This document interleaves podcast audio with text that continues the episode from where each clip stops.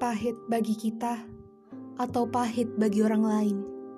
Kita menasehati orang benar-benar sebab kita menyayangi orang dan menginginkan ia berubah, ataukah demi kepuasan diri kita sendiri?